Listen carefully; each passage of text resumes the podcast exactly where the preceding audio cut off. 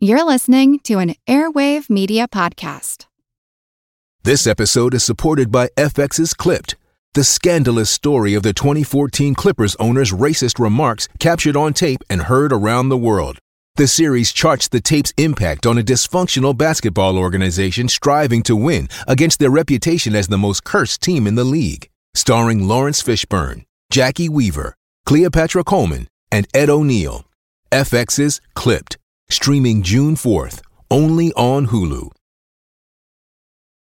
Look, Bumble knows you're exhausted by dating. All the must not take yourself too seriously and 6 1 since that matters. And what do I even say other than hey? well, that's why they're introducing an all new Bumble with exciting features to make compatibility easier, starting the chat better, and dating safer. They've changed, so you don't have to. Download the new Bumble now. This is Kick Ass News. I'm Ben Mathis.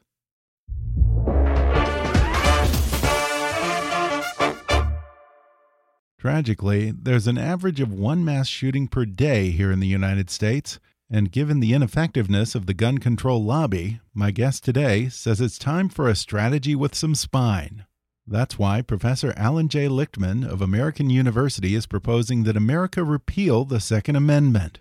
That's the title of his new book, in which he uses history, legal theory, and up to the minute data to make a compelling case for the amendment's repeal in order to create a clear road to sensible gun control in the U.S. And today, Allan Lichtman returns to the podcast to reveal that our modern interpretation of the Second Amendment as the right to bear arms is a relatively new idea, and he goes into the history of the National Rifle Association, from its origins as a group intended to improve marksmanship in 1871 to the powerful special interest group that it's become today.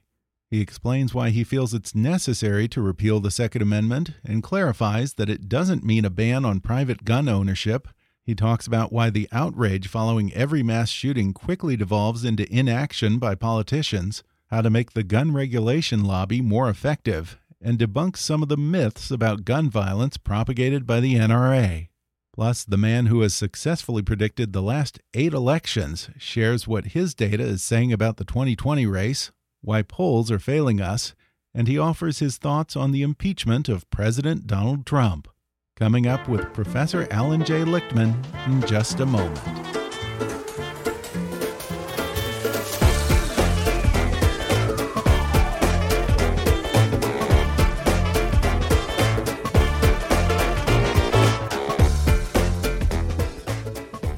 Allan J. Lichtman is Distinguished Professor of History at American University and the author of many acclaimed books on U.S. political history, including White Protestant Nation The Rise of the American Conservative Movement, which was a finalist for the National Book Critics Circle Award, FDR and the Jews, and The Case for Impeachment. Now he's out with his latest book titled Repeal the Second Amendment The Case for a Safer America. Professor Lichtman, welcome back. Thank you last time we talked about your previous book, The Case for Impeachment. So before we get to the new book, I'd love to get your impressions of the Senate impeachment trial so far. It's been devastating for Donald Trump. You know, the Republican defenders of him are really down to their last ditch line of defense because they know what he did. Everybody knows what he did. Of course, he was conditioning aid and the White House visit on political investigations to help him win in 2020. The notion that he was fighting corruption is absurd. He never mentioned corruption in any of his phone calls. His own administration had certified they had met corruption benchmarks. He never reviewed corruption.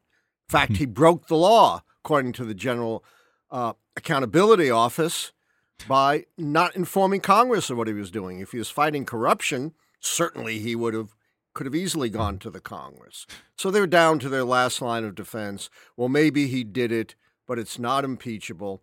And that depends on an entirely bogus argument by Alan Dershowitz, who's not an historian, he's not a constitutional scholar, he's a trial law advocate, and he completely gets the framers wrong, saying, you know, it had to be a crime, or later he changed that again and say crime like. Not a single framer ever said anything like that. They all talked about abuse of power, treachery, uh, perfidy, uh, corrupting the election. They talked about that. They talked about seeking foreign influence. So they're down really to very little. And you can Mhm. see how desperate the president is, resorting to his usual personal attacks on John Bolton, because the last thing he wants is John Bolton to appear. You know, Right. the, the president's lawyers have been saying, no eyewitnesses, no eyewitnesses. That's not true.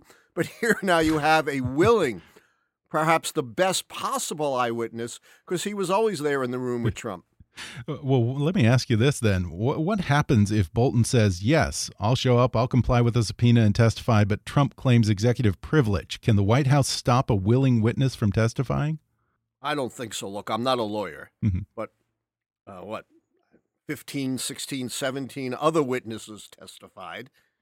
Trump couldn't stop people in his administration like Gordon Sondland or Lieutenant Colonel Vindman. They went ahead and testified. John Bolton's a private citizen. He could go right ahead and say, I don't care what Donald Trump says. hmm I'm sure he's not real happy with Donald Trump, who has been personally trashing him, and I'm going to testify. Mhm. And then maybe Trump could seek a court order, or maybe we'd get a ruling from the guy who's sitting right there, right? The Chief Justice of the United States. Right, right. Uncharted territory.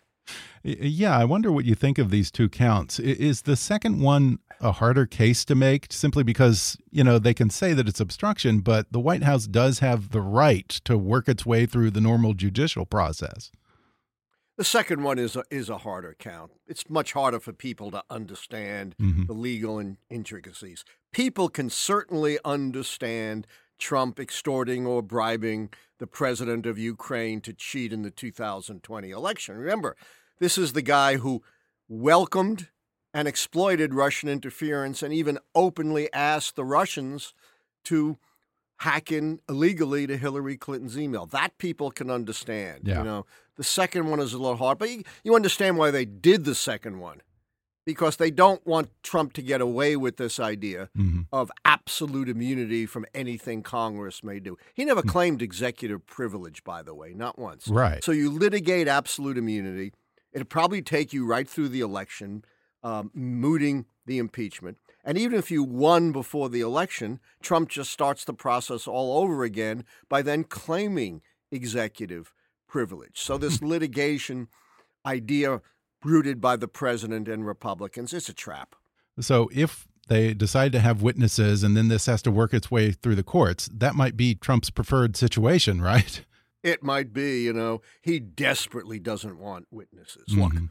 Yeah. look how much information has come out since the articles were voted by the full House. hmm Emails released under Freedom of Information, hmm documents, not even going to discount the testimony of Lev Parnas, but documents and recordings Right. released by Lev Parnas. And now, of course, the John Bolton bombshell and the General uh, Government Accountability Office report that Trump broke the law. You Mhm. can't withhold congressionally appropriated funds without going to Congress. All the information that has come out since impeachment has been negative, none of it exculpatory, all of it incriminating. Right, but I mean purely from a political strategy, it might be best for him, perhaps, if he can extend this through the election so that these things don't come out uh, ahead of time, regardless of whether he would get impeached or not. You're absolutely right about that. I don't think, even if he claimed executive privilege, Hmm. it would take that long. Oh, really? In this very special case where Bolton, unlike in the House investigation, Bolton has said, I will testify if subpoenaed. And the information's already out. Yeah. It's already there in the public domain. So Mhm. where's the privilege? Yeah. Well, let's talk about another constitutional issue covered in your latest book Repeal the Second Amendment The Case for a Safer America. Uh, I'll tell you, Allan, this book could not possibly be more timely given the epidemic of gun massacres in 2019. If I'm just going by what I see in the news, it definitely seems like mass shootings are happening way more frequently than they did 10 or even five years ago. Is it just that they're getting more attention now, or has there really been a significant spike in gun violence, and particularly in these mass shootings? There definitely has been a, a, a spike in gun violence and mass shootings. Let me give you an example. In the Dayton shooting uh, last year, Dayton, Ohio, Mhm.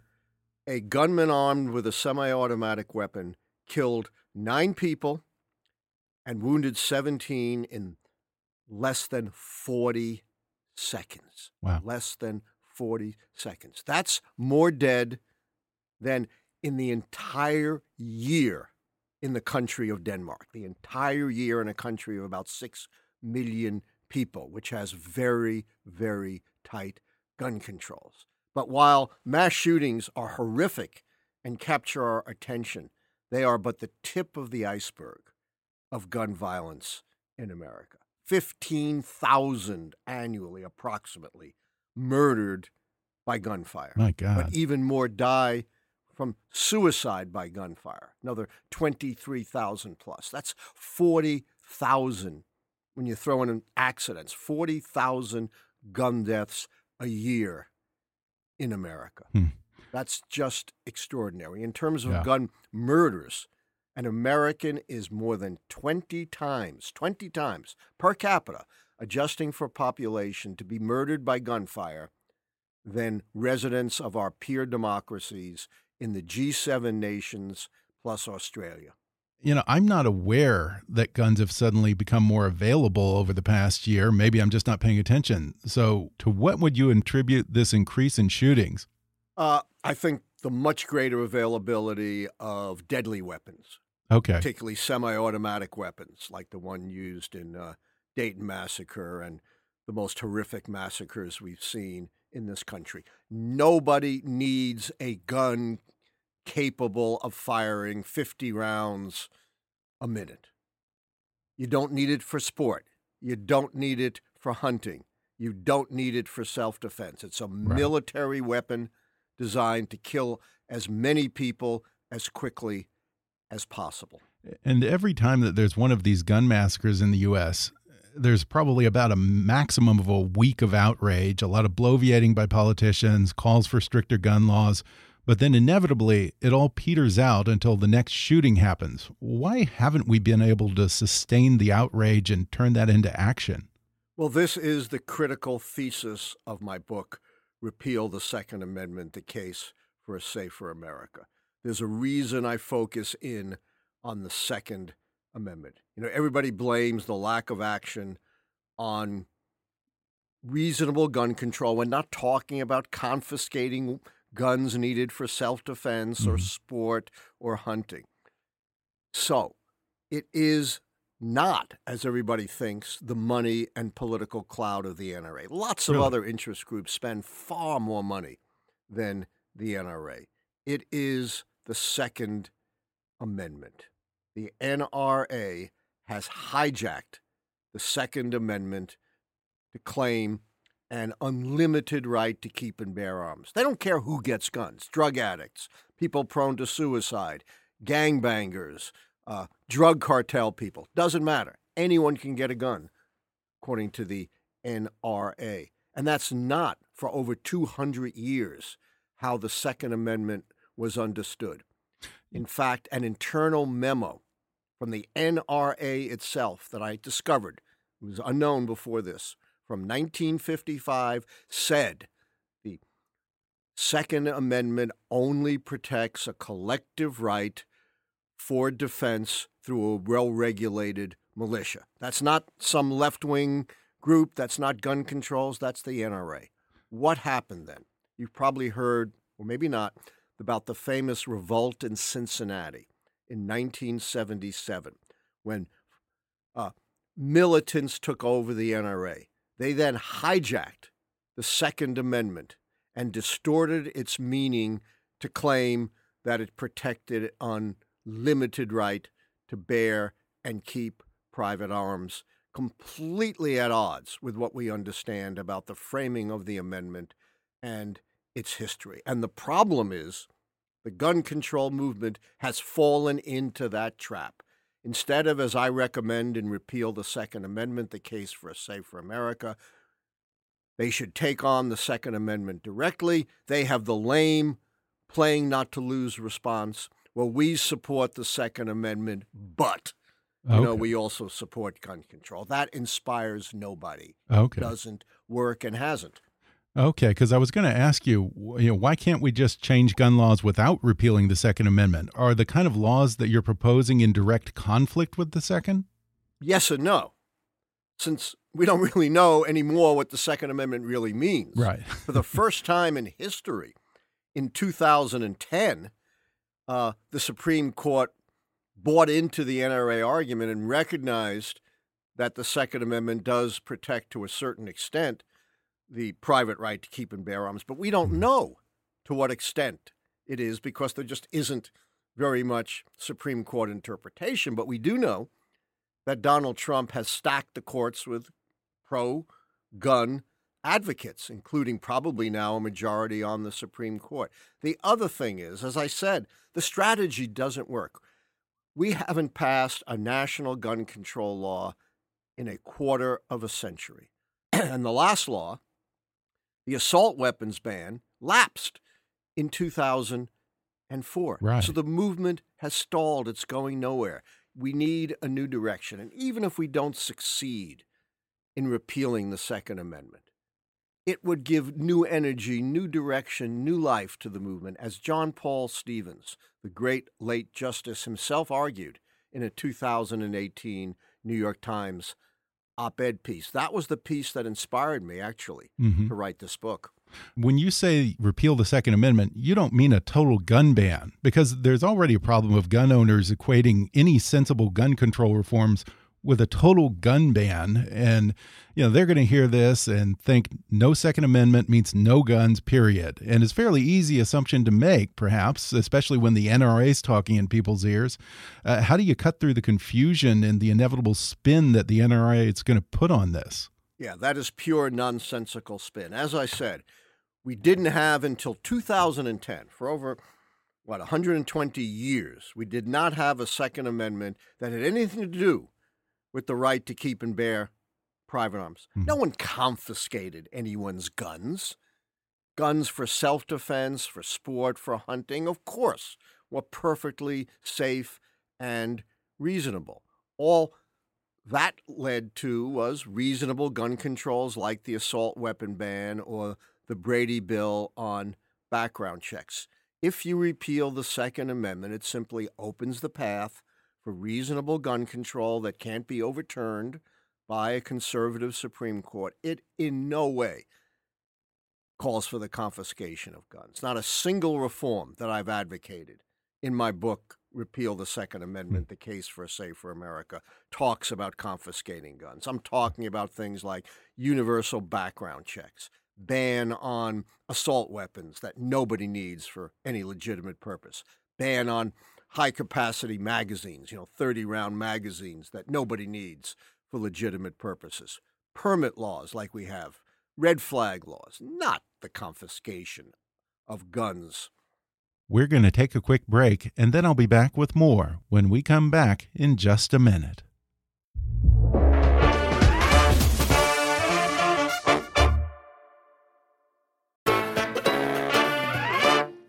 The majority of Americans, and indeed the majority of gun owners and even NRA members, favor some kind of compromise on guns, such as background checks and a ban on automatic assault rifles, high capacity cartridges.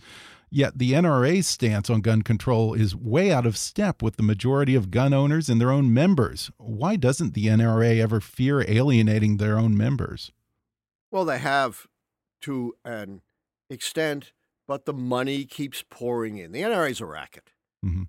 Do you know how much they pay their CEO? $1.4 million. That's way out of line Wow. for a nonprofit, supposedly educational organization. They have six or seven other people making somewhere north of $600,000, and they're not generous in their pay to ordinary employees. They've become a money making, money siphoning racket. And that's what they care about. And they believe that if they compromise on guns and compromise on the Second Amendment, they're going to dry up the sources of revenue that have made their hmm. top leaders so very rich. Interesting. And you also get into this fascinating history of the NRA. I didn't realize it had been around for so long. I guess it goes all the way back to 1871. Back then, was it always this powerful, big money gun lobbying organization that it is today? No, and here's the irony of the NRA the NRA constantly reels against big government. The NRA is not just a hammer on gun control, it's a hammer on any kind of liberal or even moderately conservative policies. It's become the hammer of the American far right. And they mm-hmm. roundly denounce big government, handouts. Well, the NRA was a dying organization in the early 20th century, as I point out in my book, Repeal the Second Amendment. You know how it was revived? By government handouts. It formed a partnership huh. with the government, becoming, in effect, a semi governmental organization with the government supporting it for, in turn, helping the government with uh, marksmanship programs that were established at the time uh, in the early 20th century that the Dick Act established uh, the National Guard. And it, it, it, got loans of, of guns and ammunition from the governments, free targets, free ammunition, in some sense, free guns. That didn't end until well into the 20th century. And I think that you say in here that the kind of the big moment for gun control was right around 1968 when we had this rash of assassinations. That was when the momentum for gun control really picked up. How did that peter out? What happened? Well, as I said, in 1977, you got the militants taking over the NRA and using the Second Amendment now for the first time mm -hmm. as a hammer against uh, gun control. You are violating the Constitution. You are violating people's right to self defense. Of course, that's utter nonsense. You're violating the sacred trust of the founding fathers to have people bear arms so they could check a tyrannical government. Utter historical nonsense. You know as well as I. The Federalists who framed the Second Amendment were huge law and order guys. The last thing they wanted was ordinary citizens to rise up.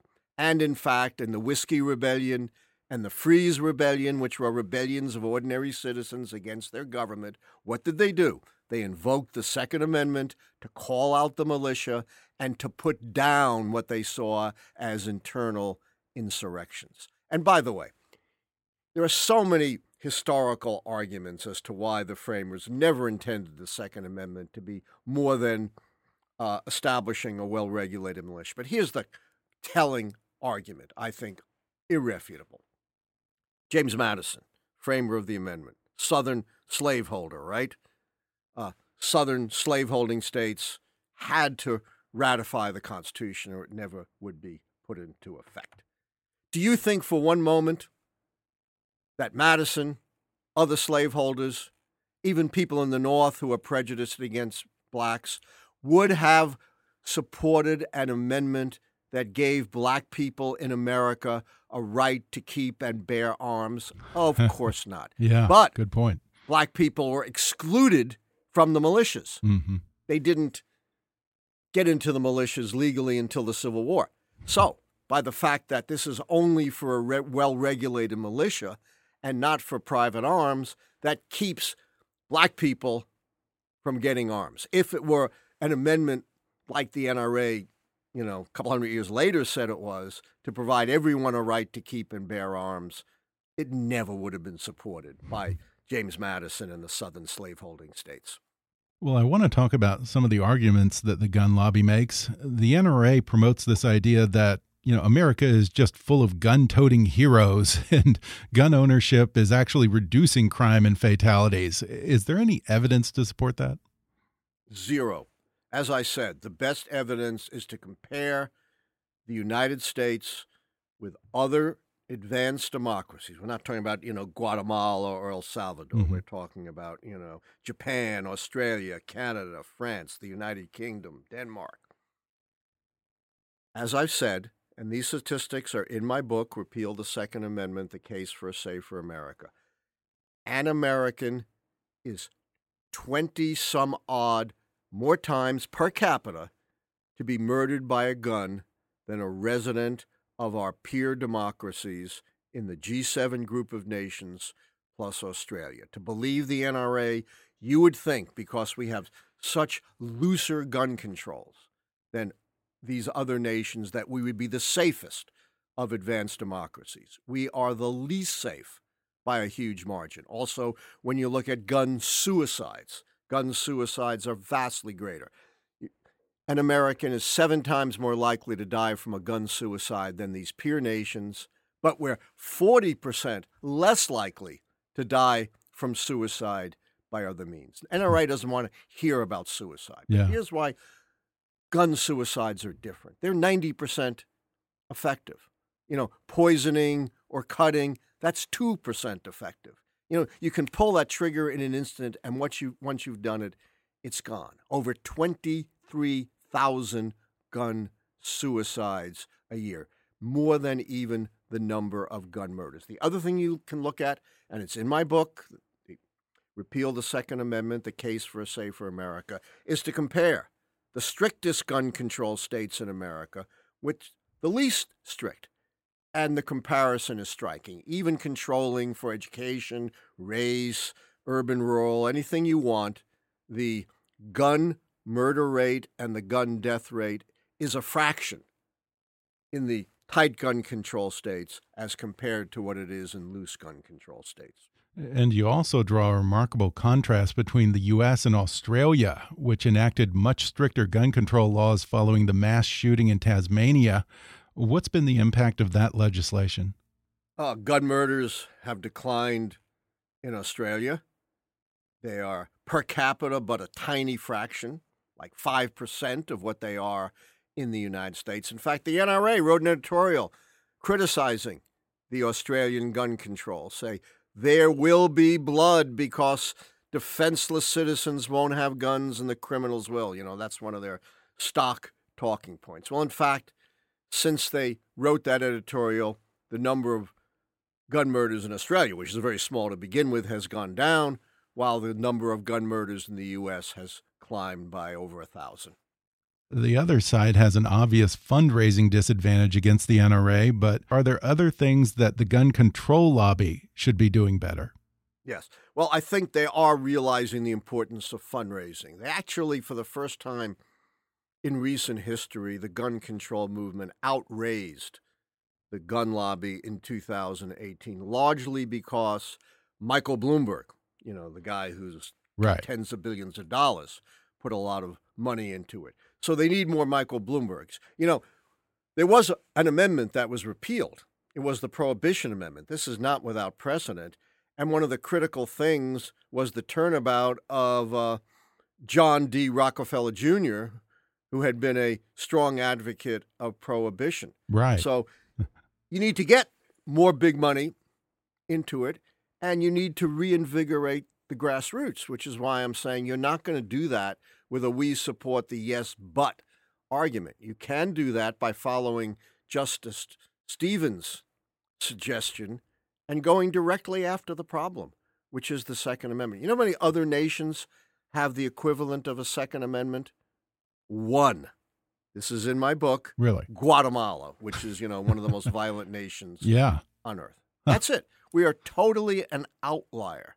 Wow. And again, people's guns aren't being confiscated elsewhere, but they do have tight gun controls, which have reduced gun murders and gun suicides to but a fraction of what they are Hmm. in the United States. Wow. Uh, still, since 1789, there have been, I want to say, close to 30,000 efforts to amend the Constitution in Congress, but only 27 amendments have passed, and only one amendment has ever been repealed, as you just referenced. It requires a two third vote in the House and Senate, so it's designed to be difficult. Do you feel at all like you have the odds stacked against you? I think we probably do. I'm not going to, you know, coat this with uh, a rosy color. It's going to be extremely difficult. Mm -hmm. But, you know, I went to Brandeis University, as the great Justice Louis Brandeis once said, the most worthwhile things seem impossible at first. You know, who would have thought 30 years ago that a conservative Supreme Court would have said there was a constitutional right mm -hmm. to gay marriage? Mm. You know, a tiny fraction of the American True. people supported the right to gay marriage. Now the vast majority do. So things can change. And by the way, while there has only been one explicit repeal of an amendment, there have been lots of constitutional changes that have repaired defects in the Constitution. For example, under the initial Constitution, the second highest vote getter in the Electoral College was vice president. That was changed with an amendment that led to the ticket system. Right. In the original Constitution, the state legislatures picked senators. Mm-hmm. That was changed with an amendment to the Constitution to pick senators by popular vote. So the Constitution is actually a bit more malleable than the conventional wisdom might have us believe. Am I saying it's going to be easy? Of course not. It's a huge uphill climb, but it's a worthwhile climb. And even the, the movement, I'm hoping, will reinvigorate the push for gun control, even if we don't actually get the repeal of the 2nd Mhm. Amendment. Uh, Is there anyone in the House or Senate who has signaled a willingness to take up this cause and lead the effort for repeal so far? No one really ha- ha- has come out, but there have been some politicians who talked about this. There was a resolution introduced in the Hawaiian state legislature by a number of politicians on repeal of the Second Amendment. But you know, politicians aren't going to be the first to move. Sure. You've got to get the constituents involved. Mhm. You've got to get the grassroots. And as you said, you know, 80% support a lot of the gun uh, control measures that have been discussed in recent years, like universal background checks, assault weapons, and high capacity magazine. So there's a lot of room to mobilize here. And you also point out the NRA has begun to alienate some of its members. There are some pretty angry uh, members and former members of the NRA who, in fact, you know, could become part of a real grassroots push. You know, The Onion, a satirical magazine, had a wonderful headline that I note in my book, uh, Repeal the Second Amendment, The Case for a Safer America. Talks about mass shootings, and it says, Nothing can be done about this in the only nation where this happens regularly.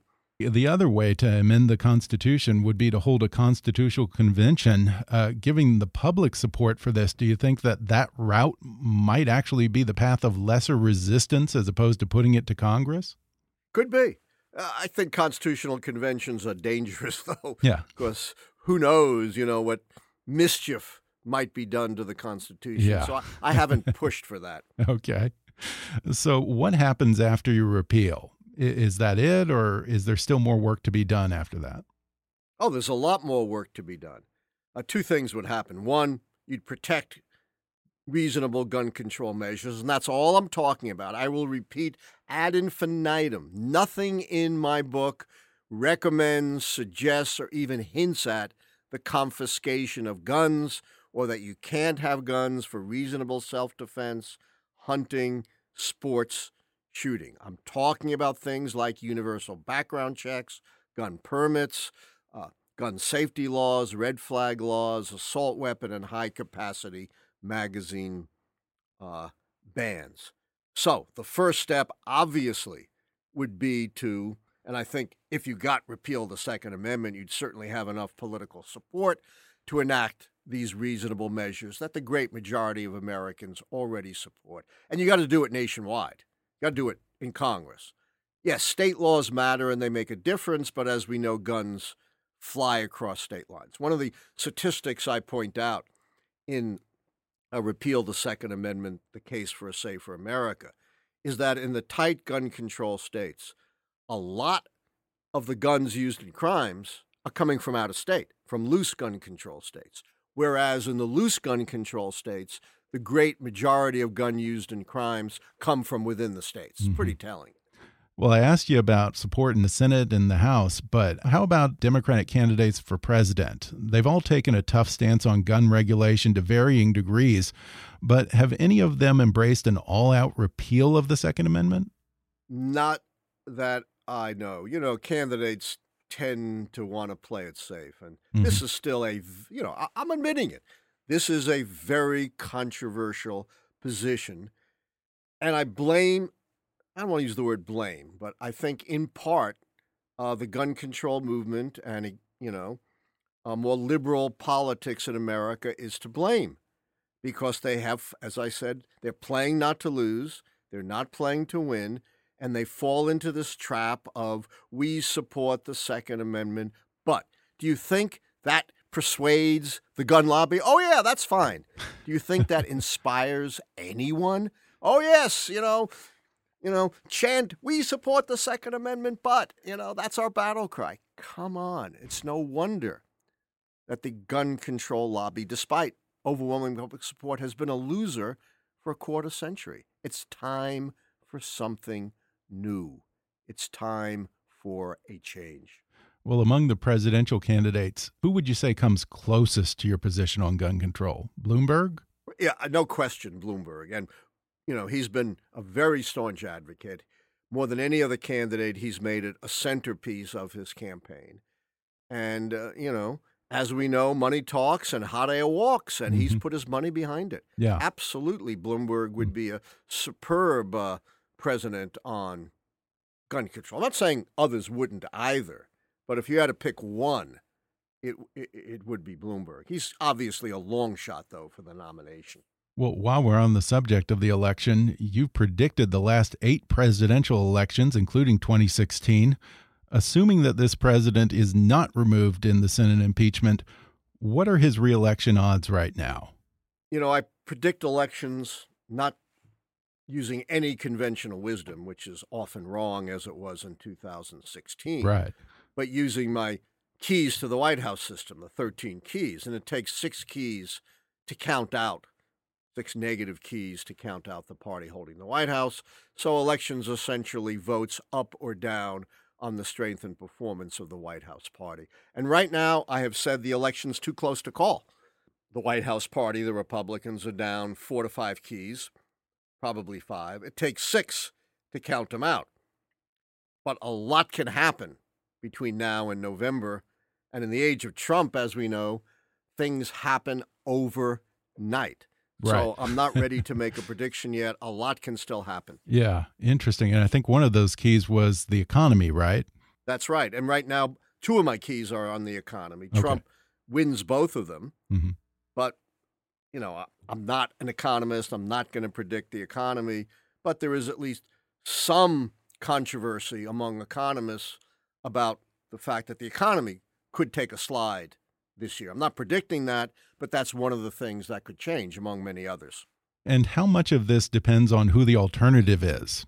Almost nothing. Really?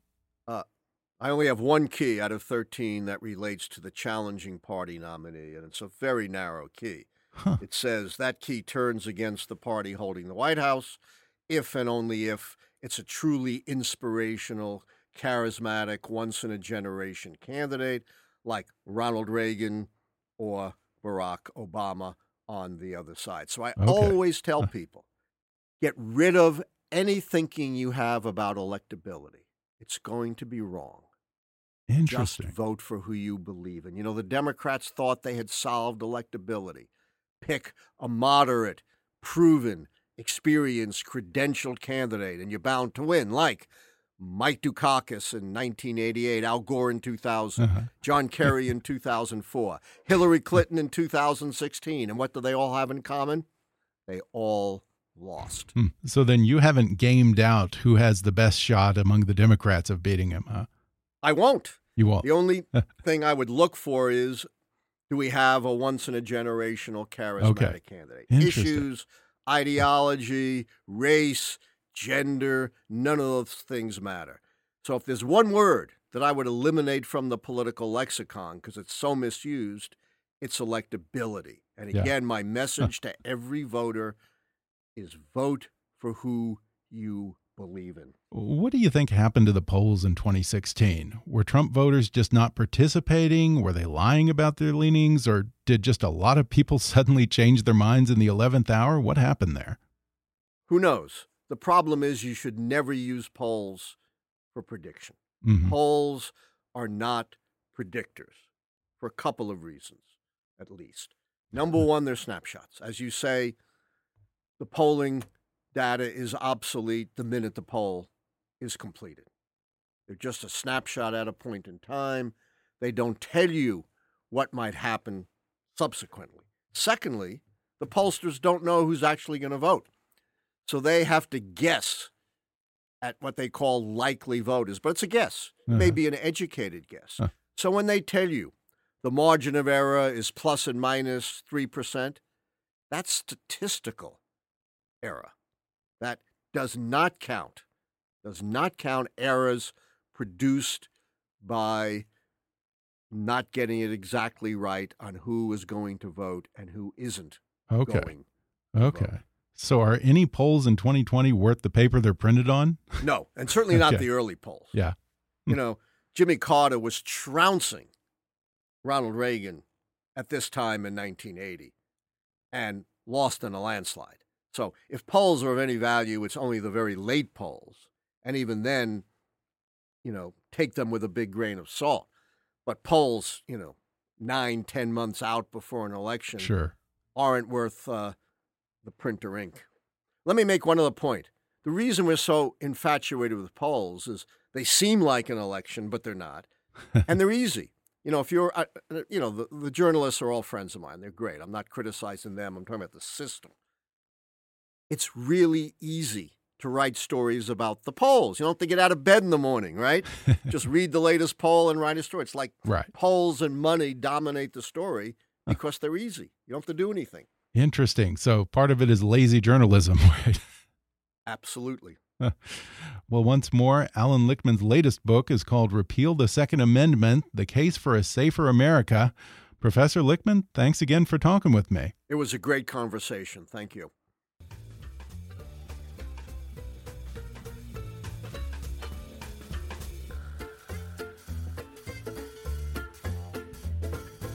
Thanks once more to Allan Lichtman for coming on the show. Order his new book, Repeal the Second Amendment The Case for a Safer America, on Amazon, Audible, or wherever books are sold. And follow him on Twitter at, at Allan Lichtman. If you enjoyed today's podcast, be sure to subscribe to us on Apple Podcasts and rate and review us while you're there. Five star ratings and detailed reviews are one of the best ways for new listeners to discover the show. You can also follow us on Facebook or on Twitter at, at KickassNewsPod and recommend us to your friends on your social media. For more fun stuff, visit kickassnews.com, and I welcome your comments, questions, and suggestions at comments at kickassnews.com. For now, I'm Ben Mathis, and thanks for listening to Kickass News.